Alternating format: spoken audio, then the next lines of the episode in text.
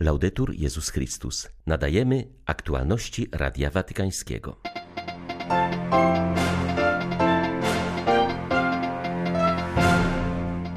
Podczas audiencji ogólnej papież Franciszek podsumował swoją podróż apostolską do Budapesztu i na Słowację. Określił ją jako wędrówkę do korzeni oraz pielgrzymkę modlitwy i nadziei. W Warszawie zakończyła się międzynarodowa konferencja o ochronie nieletnich. Zdaniem kardynała Omaleja kościoły w Europie Środkowo-Wschodniej nie mają jeszcze wystarczającego doświadczenia na polu walki z wykorzystywaniem. Warszawska konferencja miała im w tym pomóc.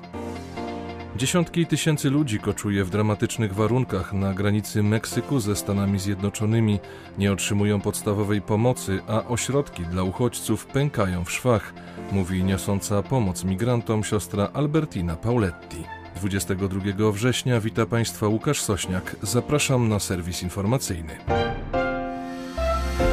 Podczas audiencji ogólnej w auli Pawła VI w Watykanie papież Franciszek podsumował swoją podróż apostolską do Budapesztu i na Słowację. Nazwał ją drogą do korzeni oraz pielgrzymką modlitwy i nadziei. Wracając pamięcią do mszy, którą odprawił na zakończenie Kongresu Eucharystycznego w Budapeszcie, papież zaznaczył, że Eucharystia wskazuje nam drogę pokornej i bezinteresownej miłości, która oczyszcza ze światowości.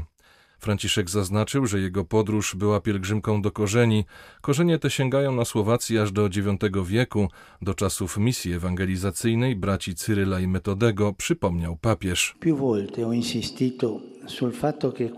Wielokrotnie podkreślałem, że korzenie pełne są ożywiającej mocy, którą jest Duch Święty i że jako takie muszą być strzeżone, nie jako eksponaty muzealne, nie ideologizowane i wykorzystywane w imię prestiżu i władzy. Korzenie są gwarancją przyszłości. Z nich wyrastają gęste gałęzie nadziei. Każdy z nas ma swoje korzenie. Czy o nich pamiętamy? O ojcach, dziadkach? Czy jesteśmy związani z dziadkami, którzy przecież są skarbem? Nie mów, że są starzy, ale idź do nich, czerp z ich życiodajnych soków, aby wzrastać. Możecie wzrastać jedynie w takim stopniu, w jakim jesteście zakorzenieni. Jeśli odetniecie się od korzeni, to wszystko, co nowe, nowe ideologie zaprowadzą was donikąd. Nie będziecie się rozwijać i źle skończycie.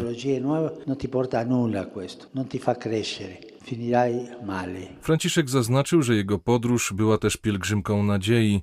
Widziałem ją w oczach ludzi młodych podczas niezapomnianego spotkania na stadionie w Koszycach. Dostrzegłem tę nadzieję w wielu osobach, które w ukryciu troszczą się o bliźnich. Myślę o misjonarkach miłości z Centrum Betlejem w Bratysławie opiekujących się bezdomnymi. To wspaniałe zakonnice, które przyjmują ludzi odrzuconych przez społeczeństwo. Modlą się i pomagają bez udawania. To one są bohaterkami współczesnego świata. Myślę tu także o wspólnocie romskiej i tych wszystkich, którzy wraz z nimi angażują się w proces braterstwa i integracji. Poruszające było świętowanie z Romami, miało posmak Ewangelii. Nadzieja może się urzeczywistnić i skonkretyzować tylko wtedy, gdy powiąże się ją z innym słowem razem. To jest droga, którą trzeba iść. Przyszłość będzie pełna nadziei, jeśli będziemy razem. Na zakończenie spotkania z wiernymi Franciszek zaznaczył, że szczególnie modli się za osoby starsze, chore, ale także za młodzież i nowożeńców. Podkreślił, że obchodzone wczoraj święto świętego Mateusza zaprasza nas do wejścia do szkoły Ewangelii, która jest pewnym przewodnikiem na drodze życia. Do Polaków Franciszek powiedział: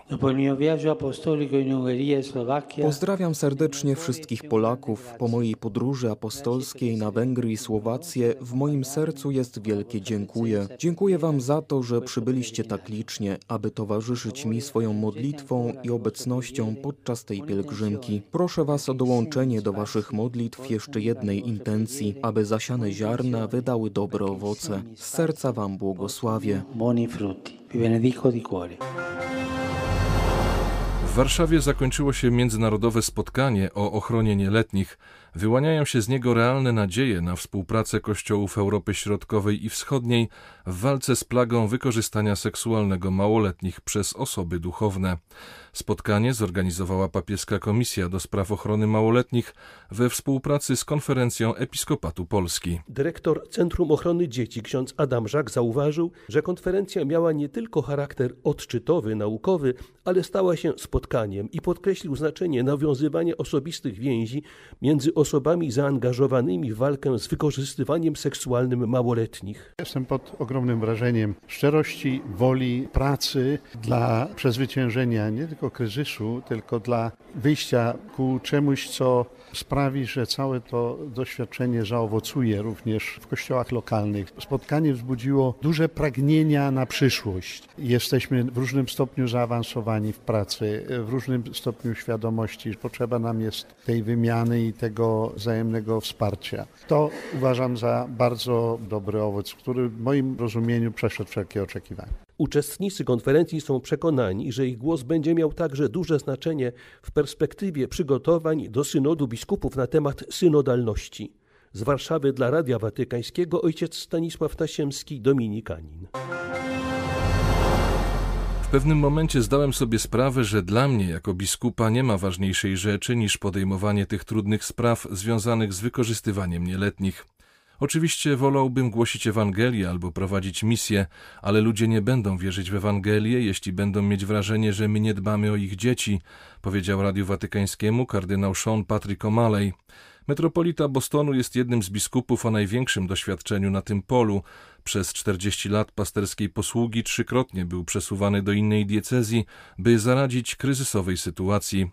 Wspomina przy tym, że na początku całkowicie nie wiedział, jak sobie z tym radzić, nie było bowiem żadnych wypracowanych procedur. Zdaniem amerykańskiego kardynała również kościoły w Europie Środkowo-Wschodniej nie mają jeszcze wielkiego doświadczenia na tym polu. Warszawska konferencja miała im w tym pomóc, mówi kardynał O'Malley. Gdyby przed 40 laty, kiedy mianowano nas biskupami, ktoś z nami o tym porozmawiał, gdybyśmy wysłuchali ofiar, historia naszego Kościoła byłaby inna. Myślę, że wiele złych rzeczy, złych decyzji podejmowanych przez biskupów, tuszowania, wiele z tego wydarzyło się, ponieważ nie mieli pojęcia, jak wielką krzywdę wyrządza się ofiarom. Gdyby mogli się spodziewać, jak wielki to ból, cierpienia i szkody, nigdy nie przenosiliby takich księży z miejsca na miejsce, stwarzając tym samym zagrożenie dla dzieci. Dlatego jest to tak ważne. Miałem zaszczyt poprosić Benedykta XVI, by spotkał się z ofiarami. Potem poprosiłem o to również Franciszka. Dla obu było to bardzo głębokie doświadczenie, które naznaczyło ich pontyfikaty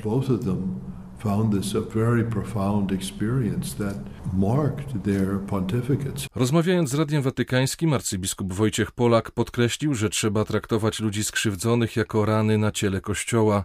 Musimy wchodzić w te rany z całą naszą miłością i wiarą, że w tych ranach istnieje też możliwość zmartwychwstania dzięki uzdrawiającej łasce samego Boga, powiedział arcybiskup Polak.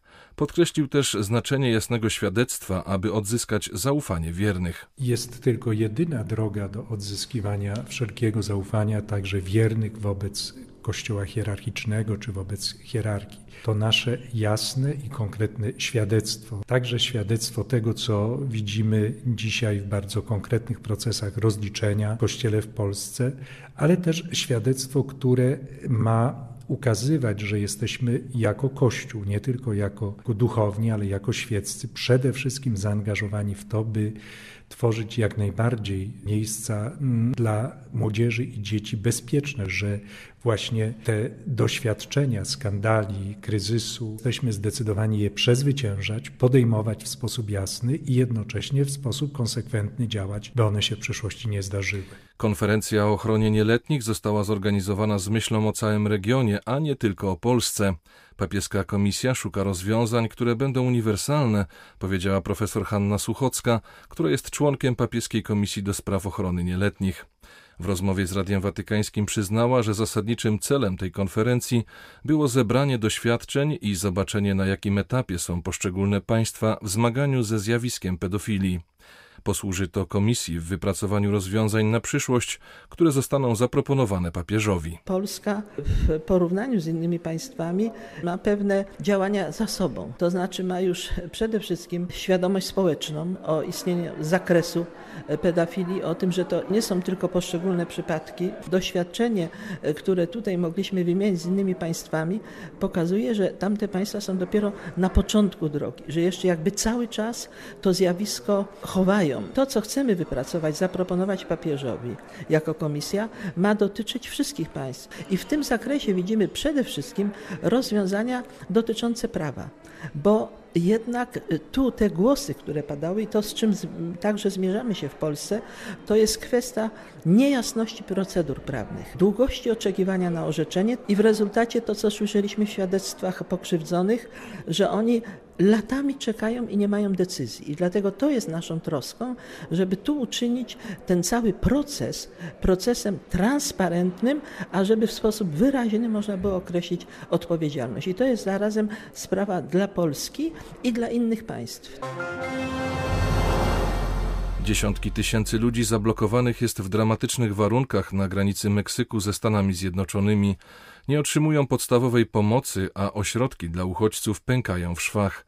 Pracująca w tym regionie siostra Albertina Pauletti podkreśla, że rządy muszą w końcu przestać mówić o polityce migracyjnej, grając przy tym życiem ludzi. Włoska skalabrynianka pracuje w meksykańskiej Tijuanie, gdzie Kościół aktywnie niesie pomoc migrantom. Ci ludzie marzą jedynie o godnym życiu, uciekają nie tylko przed biedą, ale krwawymi reżimami i grupami kryminalnymi, które chcą zawładnąć ich życiem, mówi Radiu Watykańskiemu siostra Pauletti. Prowadzimy ośrodek, w którym przyjmujemy jedynie kobiety albo matki z dziećmi. Pomagamy też w prowizorycznym namiotowisku, gdzie żyją tysiące uchodźców. Sytuacja jest dramatyczna. Nie brakuje ludzi, którzy chcą się dorobić na ich nieszczęściu. Szantażują ich złudnymi obietnicami, wyłudzając ostatni grosz. Najwięcej uchodźców pochodzi z Haiti, Wenezueli, Gwatemali, Salwadoru i Hondurasu. Chciałabym przypomnieć opinii światowej, że rządy nie mogą grać ludzkim życiem i pragnieniem lepszej przyszłości, o której marzą migranci. Takie postępowanie jest nieludzkie. Ci ludzie wciąż jeszcze pokładają nadzieję w instytucji państwa, wierzą, że granica się przed nimi otworzy. Nie można obiecywać czegoś, czego się potem nie dotrzymuje quello che loro dopo frenano. Trudna sytuacja panuje na wyspie La Palma. Erupcja wulkanu zmusiła do ewakuacji ponad 6 tysięcy osób, a spływająca lawa zniszczyła już blisko 200 budynków mieszkalnych. Boimy się o ludzi, którzy stracili bliskich i dobytek całego życia. Oddajemy ich w ręce Boga, powiedział ksiądz Domingo Guerra, proboszcz w El Paso, gdzie znajduje się wulkan. Miejscowi kapłani na różne sposoby starają się pomóc poszkodowanym, choć panująca sytuacja rodzi poczucie bezradności, mówi ksiądz Domingo Guerra. Wczoraj rozmawiałem z jednym ze strażaków i powiedział mi, że lawa ma ponad 7 metrów wysokości i pożera wszystko, co znajduje. Zagrożony jest także Kościół. To wszystko rodzi poczucie bezradności i trwogi. Oddajemy się w ręce Boga i prosimy Go, aby nas wzmocnił, pomógł nam i ochraniał nas, zwłaszcza ludzkie życie. Z kolei ksiądz Alberto Hernandez od poniedziałku nie ma dostępu do czterech parafii, którymi się opiekuje. Swoje mieszkanie udostępnił potrzebującym, którzy mogą się wykąpać, zadzwonić lub coś zjeść. Dowozi też żywność tym, którzy zostali w domach w nadziei, że lawa ich nie zniszczy. I jako Kościół utrzymujemy kontakt telefoniczny z wysiedlonymi i z tymi, o których wiemy, że utracili domy. Żyjemy w wielkiej bezradności. Z Madrytu dla Radia Watykańskiego ojciec Marek Raczkiewicz, redemptorysta. Były to aktualności Radia Watykańskiego. Laudetur Jezus Chrystus.